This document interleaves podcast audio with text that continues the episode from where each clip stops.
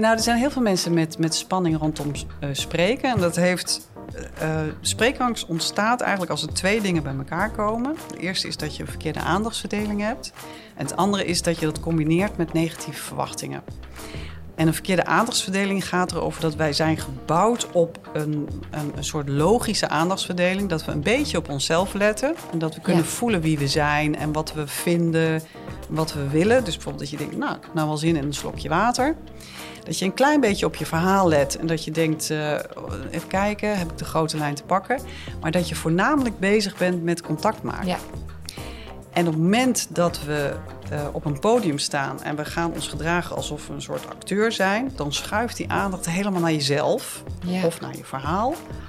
Waardoor alle automatische processen die je uh, normaliter, waar je niet over nadenkt, die, die in dat onbewuste zitten, die ga je op dat moment waarnemen. Je werkgeheugen die krijgt veel te veel informatie en die slaat dan op slot. Dus, en dan ontstaat er een verschijnsel, wat ze noemen, dat noemen ze choke. En dat betekent dat je een soort vertraging krijgt en dat je een verhoogde spierspanning krijgt.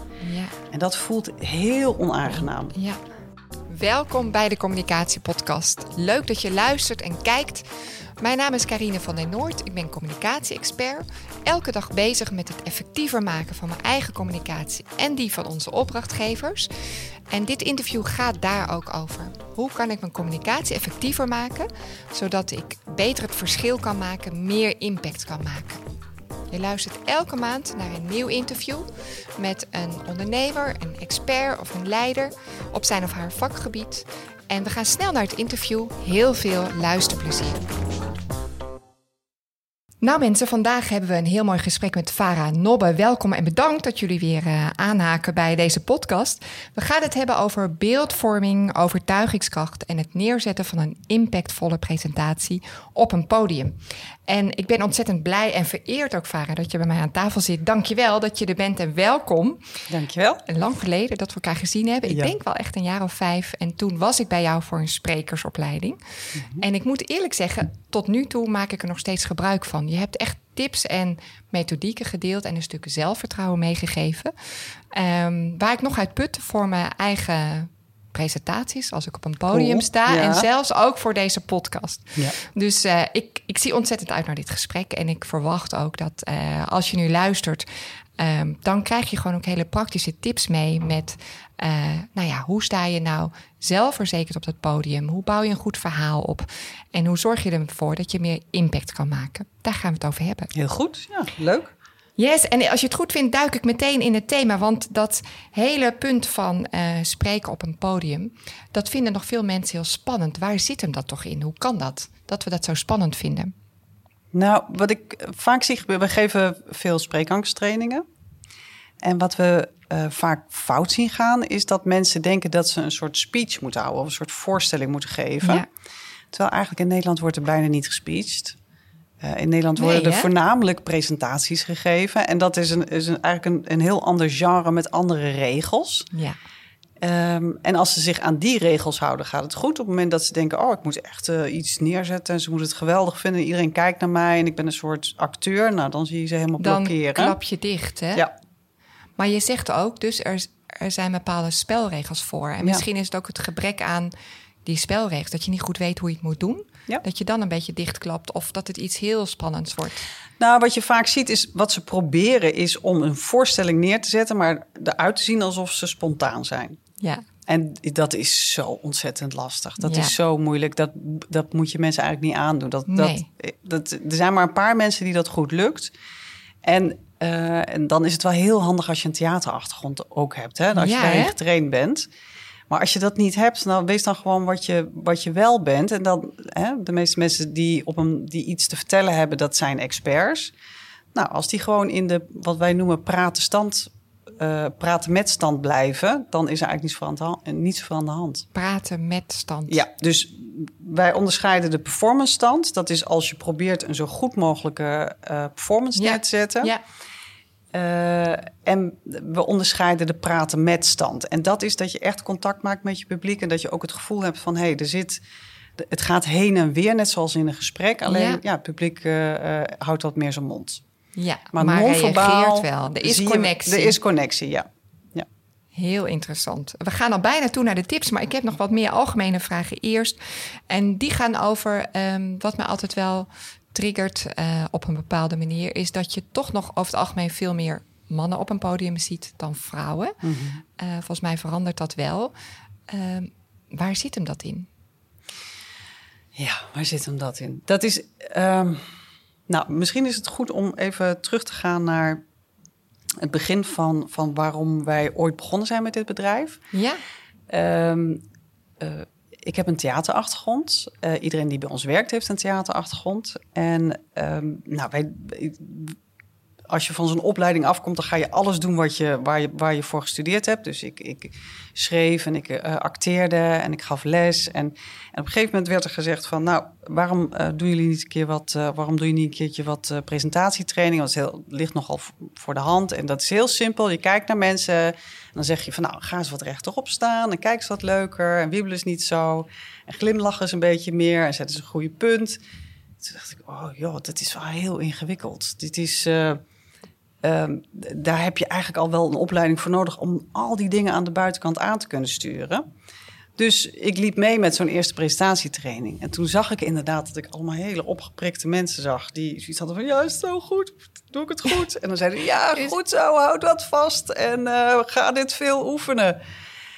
Toen dacht ik, nee, dit moet anders kunnen. Dus toen zijn we begonnen met uh, het ontwikkelen van een methodiek die veel meer van binnen naar buiten gaat, ja. in plaats van buiten naar binnen.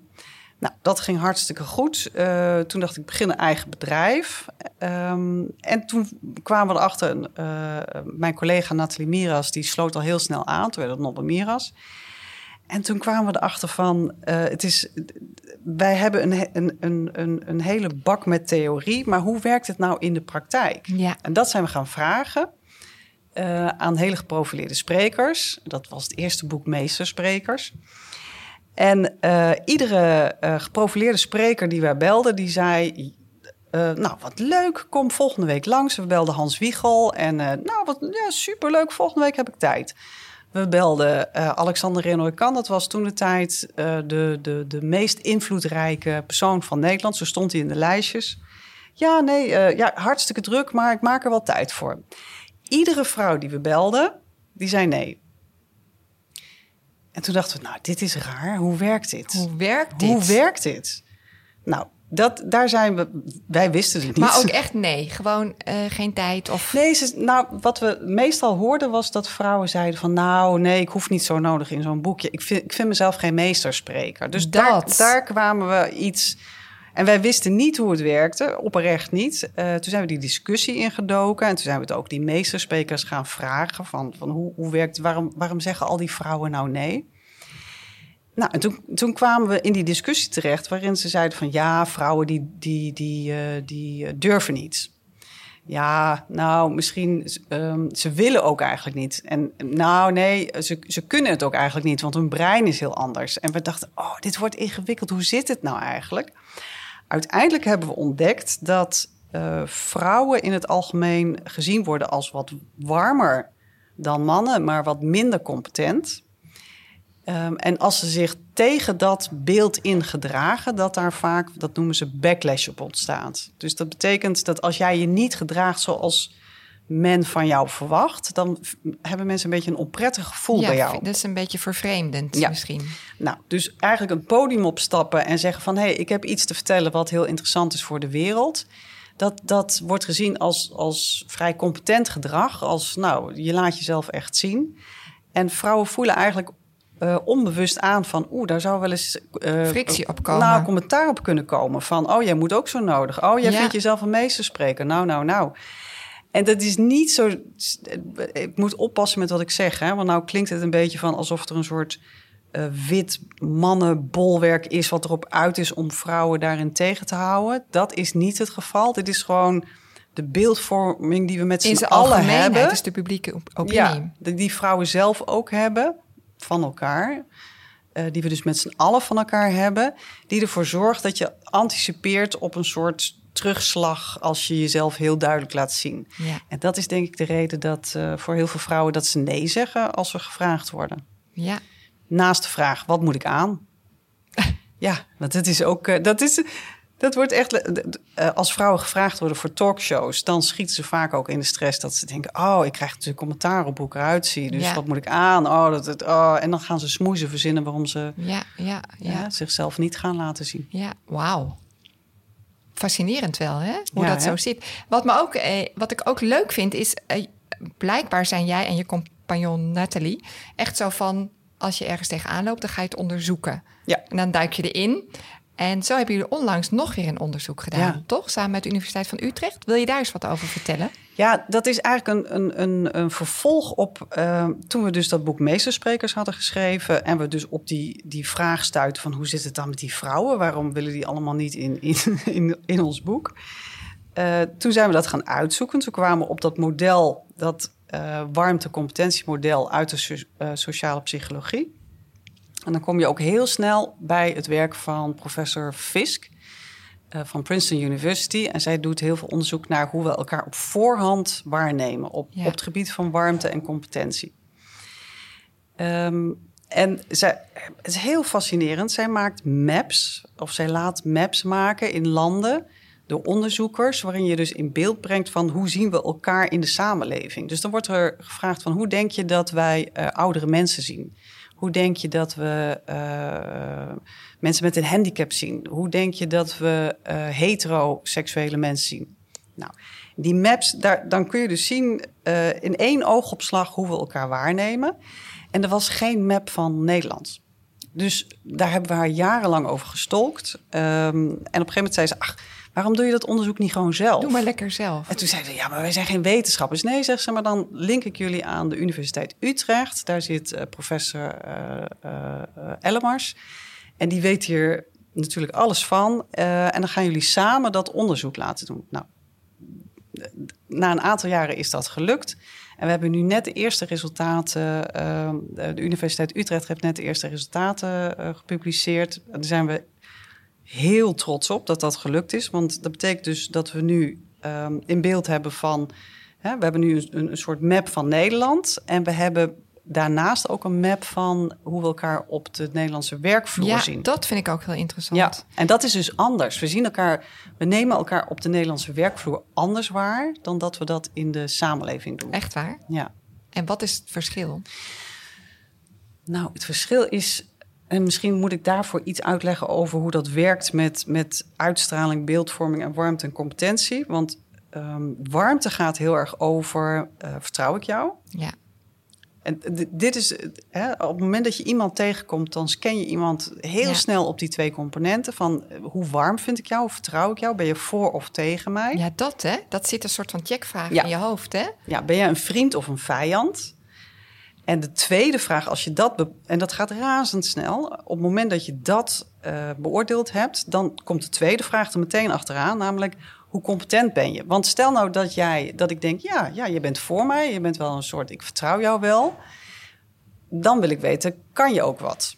Ja. En als je iets kunt, dan heb ik wat aan je. Als je niks kunt, dan vind ik je wel heel aardig, maar ja. Maar dan ga ik toch, uh, loop ik toch even verder. Nou ja, dan moet ik waarschijnlijk voor je zorgen. Want dat vind ik je heel aardig. Maar, maar heb ik zelf maar je niks krijgt aan niks. je. Ja, ik heb niks aan je. Nou, je kan dat dus in een map kan je dat plotten. En dan zie je dus eigenlijk vier grote groepen tevoorschijn komen. Namelijk mensen die we niet warm en niet competent vinden. En daar hebben we altijd een, daar hebben we een beetje afschuw van. Die, die, die willen we, daar willen we bij uit de buurt blijven. Mensen die we warm vinden, maar niet zo competent, die vinden we heel lief, maar die nemen we niet zo serieus. Dus dat zijn vaak de groepen zoals uh, bejaarden of kinderen. Ja. En dan heb je een groep die vinden we wel competent en uh, niet warm. En dat, daar zitten vaak de bankiers. Oh ja. Mensen die we wel bewonderen, um, maar we vinden het niet erg als die over een bananenschil uitglijden. Dus dat is stiekem ook wel weer grappig. Ja, een soort afgunst zit daarin. Ja. Van ik wil wel hebben wat jij hebt, maar op het moment dat jij dat kwijtraakt, dan, dan, uh, ja. dan voel ik me niet meer verbonden met jou. En dan heb je dat hele magische uh, stukje rechtsbovenin, waarin we mensen en warm en competent vinden. En als dat, heel, als dat heel hoog zit, dan noemen we mensen ook charismatisch. Oh, daar komt dat vandaan. Ja. ja. Ja, dus dat, dat zijn is... wel echt, ja, maar ik ga in mijn hoofd ook al een beetje zo met ja. jou mee. Er zitten gewoon ook een paar mensen in dat vakje voor mijn gevoel nu al. Ja, nu al hè. Zo werkt dat ja. dus. Ja, zo werkt het. En zo werkt het natuurlijk met leiderschap ook. Vooral als je niet zozeer een manager hebt, maar een leider die dus echt een beetje visie heeft. Een positieve visie heeft, die heel hoog op warmte zit en heel hoog op competentie. Ja, dat is, dat is een charismatische leider. Wat kan je daar nou mee op de werkvloer? Wat deze, deze, is het ook iets wat je dan. Zou je dan daarin moeten bekwamen? Is dat ook wat jullie trainen? Of zeg je nee, we moeten het juist veranderen dat we met elkaar zo kijken? Nou, je kan, een, je kan niet veranderen dat we elkaar op zo'n manier waarnemen. Nee. Dat is gewoon een, een, een, een proces wat ingebakken zit. Maar um, er zijn verschillende dingen die je ermee kan. Um, het eerste is dat het handig is bij jezelf om te snappen van hoe warm en competent is mijn eigen uh, beeldvorming. Uh, maar daarin speelt mee dat we dus sommige groepen op voorhand al iets toedichten. Ja. Dus dat betekent dat we vrouwen in het algemeen als uh, warmer en wat minder competent vinden dan bijvoorbeeld een mannelijke collega. Ja. Nou, dit is wel handig om te weten dat dat dus meespeelt in hoe jij naar jouw collega's kijkt. Maar ook andersom, hè? Want dat, we hebben het nu steeds over vrouwen, maar ik, ik ken ook genoeg mannen die heel empathisch zijn. En die dan misschien ook juist daardoor een beetje benaderd worden van, maar hoe competent ben jij dan? Ja, dat klopt. Maar Sociale mannen. alle groepen die zich tegen hun, hun, hun eigenlijk norm inbewegen, die, die krijgen daar een soort backlash op. Het is voor mannen eigenlijk bijvoorbeeld niet zo gewenst dat je openlijk niet ambitieus bent. Dat wordt gezien als, als Huh? oh, wat gek. Dat, dat vinden Ja. we er niet zo bij passen. Maar het is, ik moet zeggen, eh, het is bijvoorbeeld voor mannen wel heel handig als ze eh, eh, heel empathisch zijn. Dan worden ze en ze zijn ook nog een beetje competent. Dan worden ze vaak al wel gezien als echt een. to- Oh ja, dan zitten ze al heel topper. snel in dat vakje. Ja, ja, omdat we het niet zo verwachten bij mannen dat ze ook nog eens heel Nee, empathisch dan ben zijn. je echt de full package. Dan ben je echt geweldig. ja, ja. Geweldig. Wat een ontzettend interessante interview. En ook heel mooi hoe jullie dat als bureau zo aanpakken.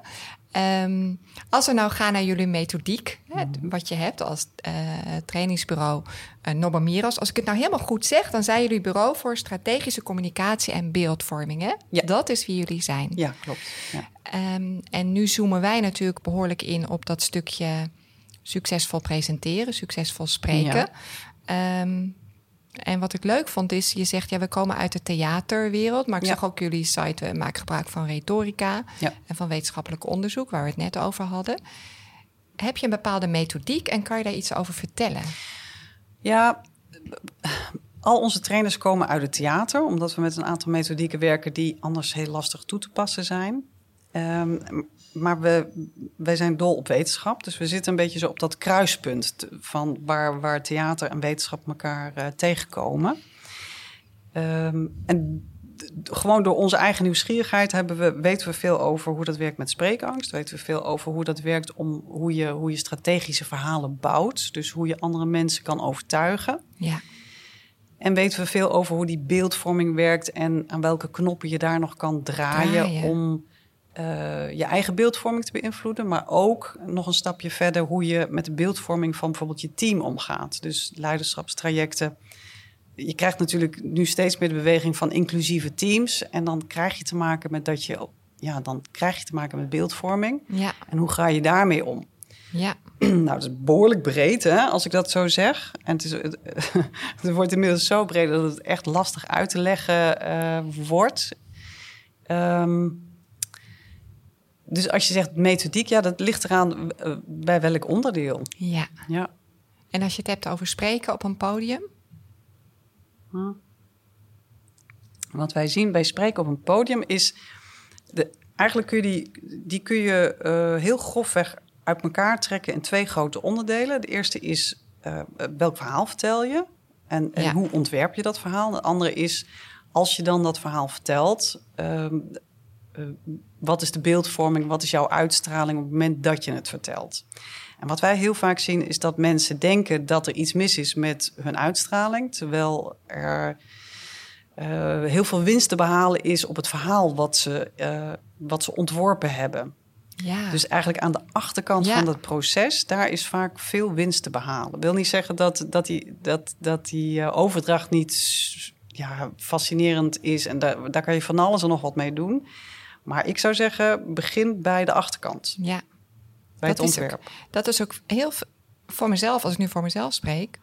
Ehm, kijk je altijd naar het thema spreken op een podium, gelijk naar dat podium. Ik sta daar en als ik daar maar niet zenuwachtig ben, als ik maar geen blackout krijg. Ja, maar je zegt, je, je moet echt starten met de voorbereiding. Hoe, hoe bouw je het op? Hoe zit het in elkaar? Ja, welk verhaal vertel je? Uh, hoe ontwerp je dat? En hoe zorg je dat dat uh, ja, het, het meest overtuigende verhaal is wat je op dat moment kan vertellen? Ja. Um, ook voor mensen die spreekangst hebben, uh, dat begint al in de, in de voorbereiding. De manier waarop jij je voorbereidt heeft al uh, invloed op hoe jij je voelt straks. Ja. Ja. ja. Heel interessant. Ik, ik ben geneigd om al door te gaan naar die praktische tips, maar toch ben ik stiekem ook benieuwd naar um, hoe is dat voor jou zelf gegaan? Eh, jij hebt die theateropleiding gedaan. Ja.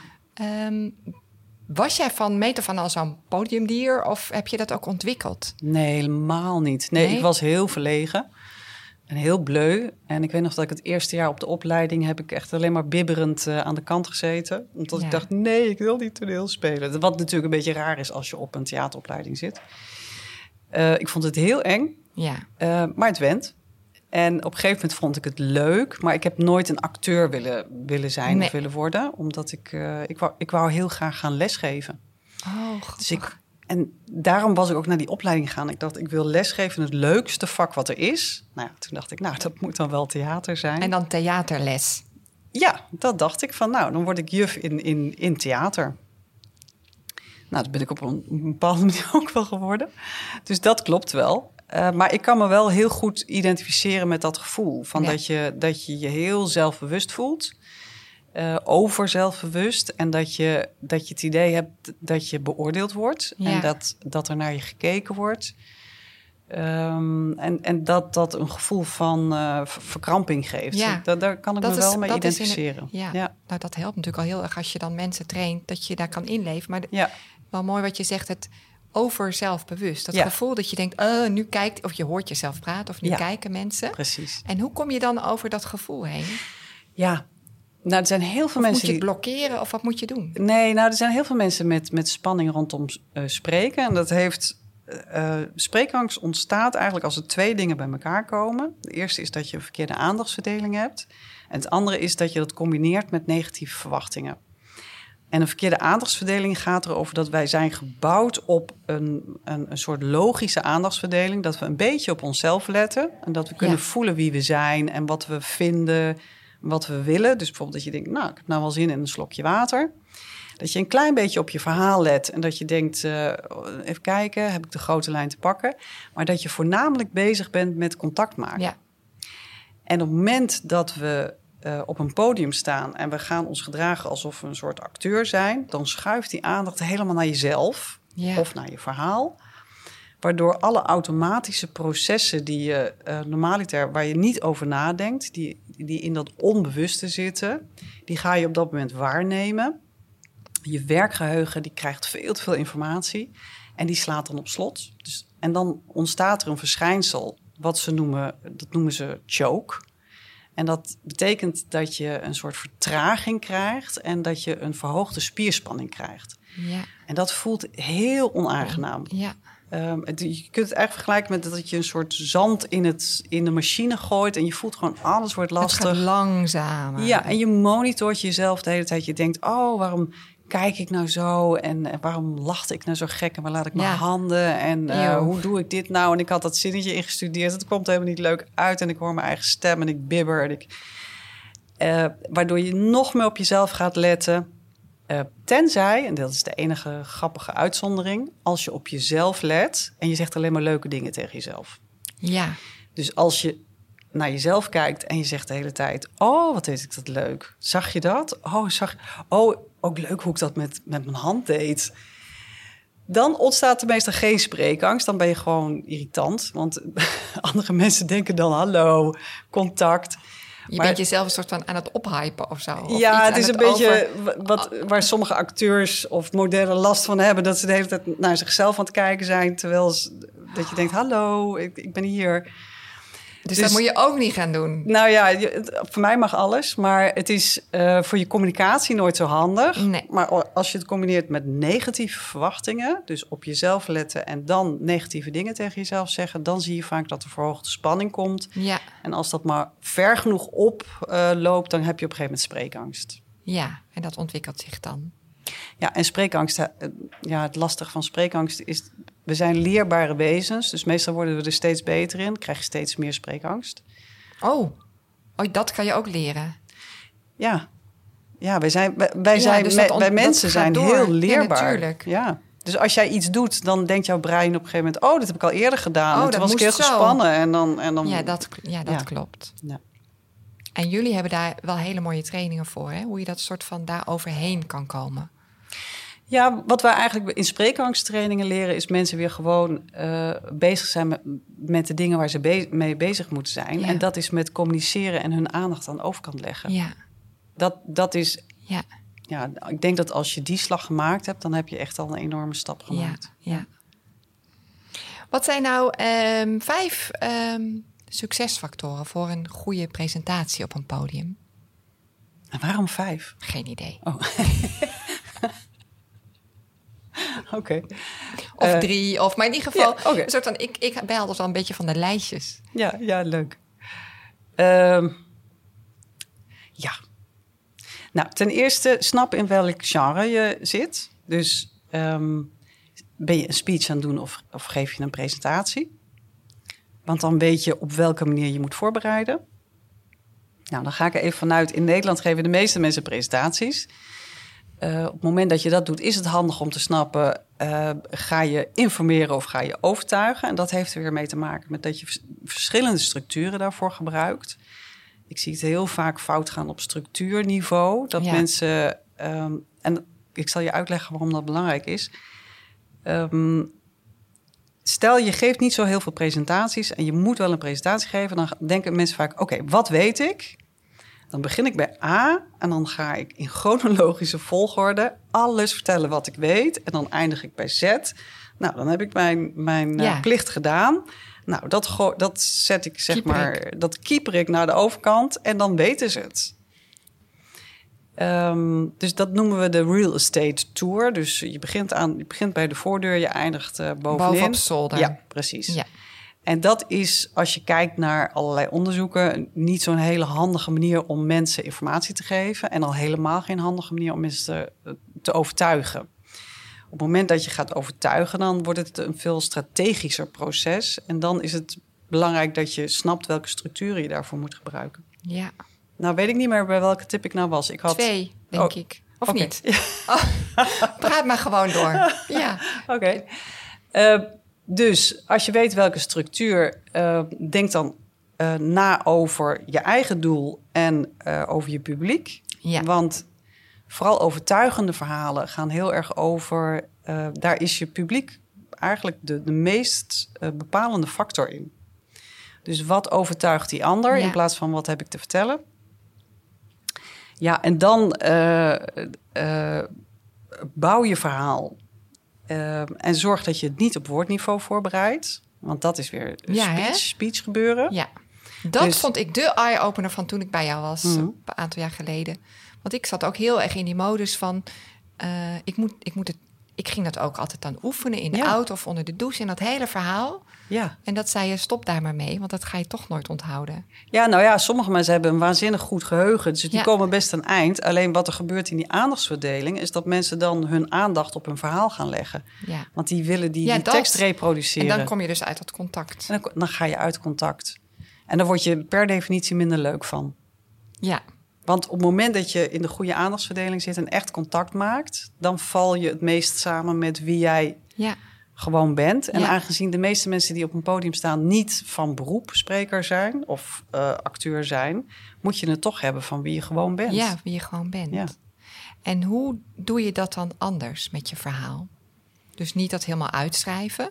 Op Maar- segmentniveau, je moet op segmentniveau voorbereiden. Ja, Ja, en dat voert voor nu denk ik ver om dat helemaal uit te leggen. Maar wat wij doen is, we, we- we, we, we, net zoals dat je bij een mindmap naar een soort uh, grotere segmenten gaat en dan kijkt welke onderdelen zitten erin en, en hoe noteer je dat zo dat je dat in één oogopslag ziet. Mm um, en, en je oefent het dan op logica en niet op woordjes. Ja. Want je wil vanuit je eigen lange termijn geheugen kunnen vertellen. Dat is typisch aan een presentatie, dat je vanuit je lange termijn geheugen eh, mensen meeneemt uh, in jouw expertise. Ja. Dat dus is iets wat je eigenlijk altijd al in je hoofd hebt. Ja. En wat je al weet. Ja, mensen die bij ons training komen volgen, dat zijn, dat zijn bij uitstek gewoon altijd mensen die, die op hun eigen gebied expert zijn. Ja. Ja. ja. dat is inderdaad. Dat was voor mij toen echt de eye. Ik kan me nog herinneren, en ik heb hier nu ook zo'n kaartje liggen. Ja. Dat je zei van schrijf maar de vijf belangrijkste punten op een kaartje. En denk vooral na over die overgangetjes. Ja, de overgangetjes. Van het ene naar het andere. Ja, want daar zit de logica. Zitten. Ja. Dus wij laten mensen altijd routepaaltjes tussen de segmenten plaatsen. Omdat je. En je routepaaltjes markeren eigenlijk je, je, je logica, dus je samenhang tussen je segmenten. Ja. Dit klinkt nou heel technisch, maar dit is een, een methodiekje dat kun je Weet je, dat, dat kun je in 10 minuten leren. En dan kun je echt op bierveeltjes of op je hand... kun je hele ingewikkelde verhalen voorbereiden. Dat, is, ja. dat is de schoonheid ervan, dat is dus, ja, dat is inderdaad... Nou, dat, dat vind ik nog steeds heel helpend. En wat je me toen ook hebt geleerd... en daar ben ik ook wel benieuwd naar van hoe werkt dat dan... dat is dat je eigenlijk al van tevoren... Uh, jezelf visualiseert op dat podium. Ja.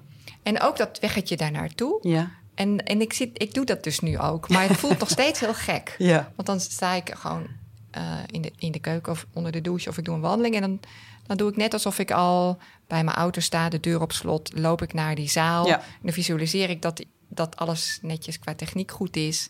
En dat ik daar zo vloeiend dat podium oploop. Ja, geweldig. Ja. Wat zit daarvoor? Uh, ja, dat is, dat is een, een, voor inzicht achter. Het is een trucje om je brein een beetje te foppen. Wat we vaak. Um, we associëren spreken als. We hebben al snel negatieve verwachtingen bij spreken. We denken van oeh, dat heeft ook wel te maken met soms dingen uit het verleden. Hè? Ik weet nog dat onze dochter. Um, uh, die zat op het gymnasium en die moest een, uh, een, presentatie in het Engels houden. Het moest precies 20 minuten zijn.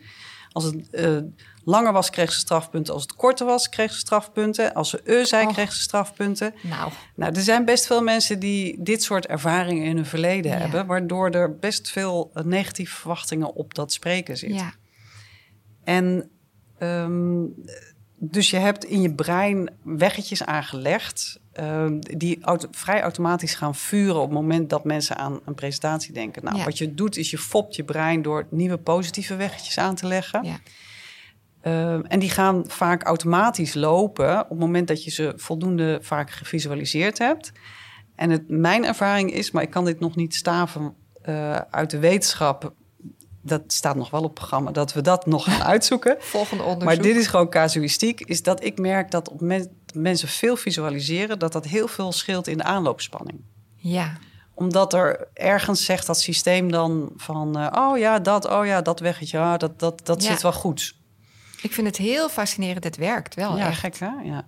Ja, ik vind het, ook, ik vind het Ja. zelf ook fascinerend. Ja. Maar, en, en nogmaals, we gaan het nog uitzoeken, hoe het precies Leuk. zit. Oké, kom je weer terug. Ja.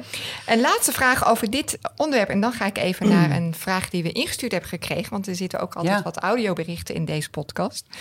Ehm, stel nou dat je echt ehm, die expert bent of die ondernemer. En je hebt een bepaalde ambitie of drive. Je hebt echt het gevoel van ik wil een boodschap gaan overbrengen. Maar je Ja. hebt nog nooit op een podium gestaan. En je wilt eigenlijk een soort van sprekerscarrière gaan voorbereiden. Je wilt daarmee aan de gang gaan. Oh ja. Wat zou een belangrijke eerste stap zijn voor zo iemand om te zetten? Waar moet je dan mee beginnen? Met je verhaal? Ja. Ja. Nou, iedereen die de, de behoefte heeft om een podium op te gaan, die heeft de behoefte om zijn, zijn of haar inhoud te delen. Ja. Nou, dat is natuurlijk een enorme bak met, met kennis en ervaring en visie. En nou, ik denk dat het de eerste stap is dat je gaat ordenen en gaat denken van, ja, wat is dan wat ik wil, wat ik wil vertellen? Wat, wat wil ik overbrengen? Ja. Wat is mijn boodschap? Wat is mijn kernboodschap? Ja. Wel, wat zijn mijn kernboodschappen? Ja. Ja. En eh, dat je begint met dat in kaart te brengen en daar verhalen op te ontwerpen, omdat je dan voor jezelf ook helder krijgt. Oh, dit is het verhaal wat ik nu aan deze mensen ga vertellen. Ja. Ja.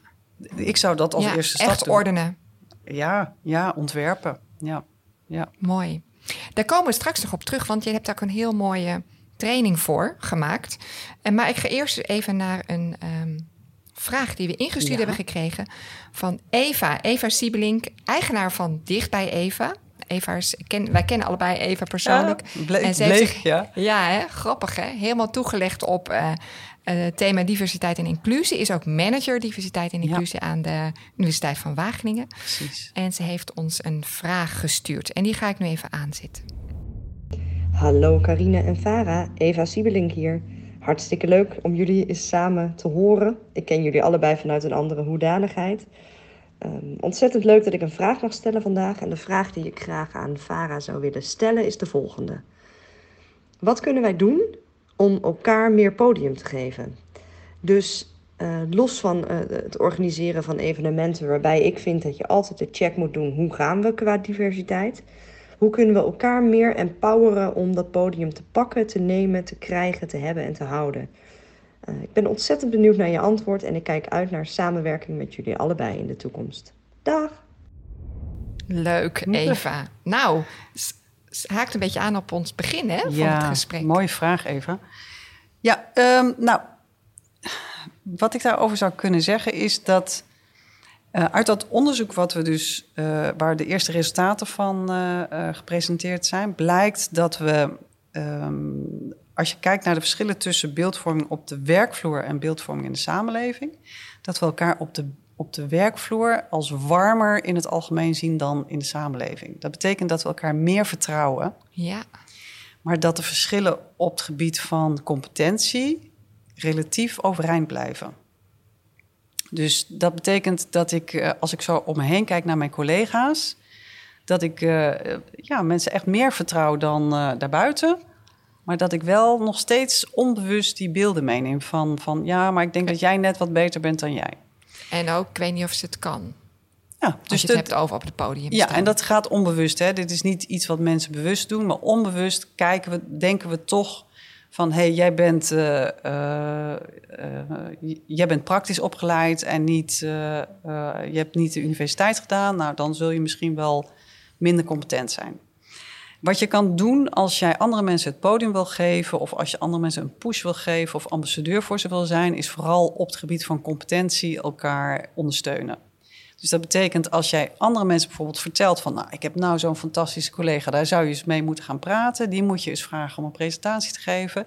Zorg dan dat je vooral op competentie ze, ze, ze promoot. En eh, dat doe je weer heel makkelijk doordat je wapenfeiten geeft. En Ja. wapenfeiten, dat zijn dingen, dat zijn feiten die eh, niks te maken hebben met mijn inschatting, maar die gewoon ja, verifieerbaar zijn. Ja, En, want op het moment dat je mensen wapenfeiten geeft, dan denken ze: Oh, ik kan zelf de conclusie trekken dat iemand competent is. Ik geef je een voorbeeld. Eh, ik kan zeggen van, nou, ik ben ongelooflijk intelligent. En dan denk jij, ja, dat, dat zou ik ook van mezelf zeggen. Dus ik, ik, dat zal wel een soort eh, wc-eend-opmerking is dat. Wc-eend zegt, gebruik wc-eend. Ehm, maar op het moment dat ik zeg van, nou, ik heb eh, eh, eh, ik, ik, drie studies gedaan... die ik eh, alle drie cum laude heb afgesloten... dan denk je, oh, nou, dan zul je toch wel intelligent zijn.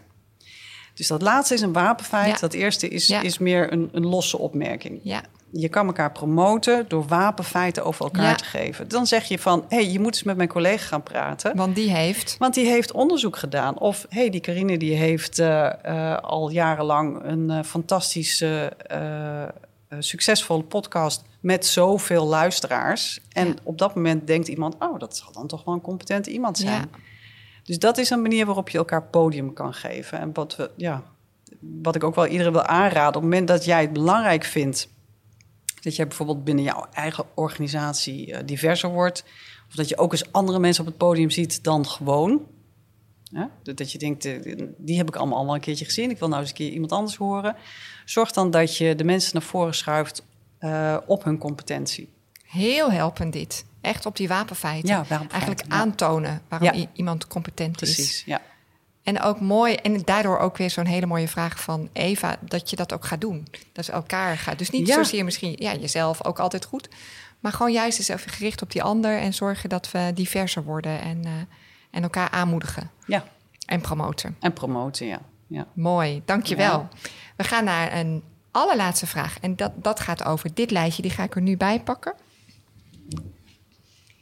Ehm, nou, dit is gewoon een simpel fotolijstje. En daar staat in wat mag er in het lijstje. Ik zet hem ook eventjes voor de kijkers. Als je deze podcast kijkt, kan je hem zien staan, als het goed is nu.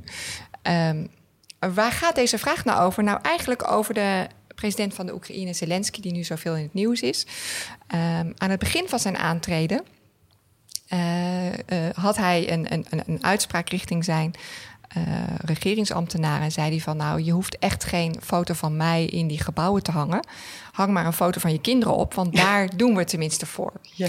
En dan is de vraag, en die stel ik aan elke spreker in de podcast. Wat mag er in het lijstje? Wat vind jij belangrijk als. Want dan heb je het eigenlijk over een soort van eikpunt voor organisaties, voor bedrijven. Uh, waar je nou, op koerst. Wat echt belangrijk is.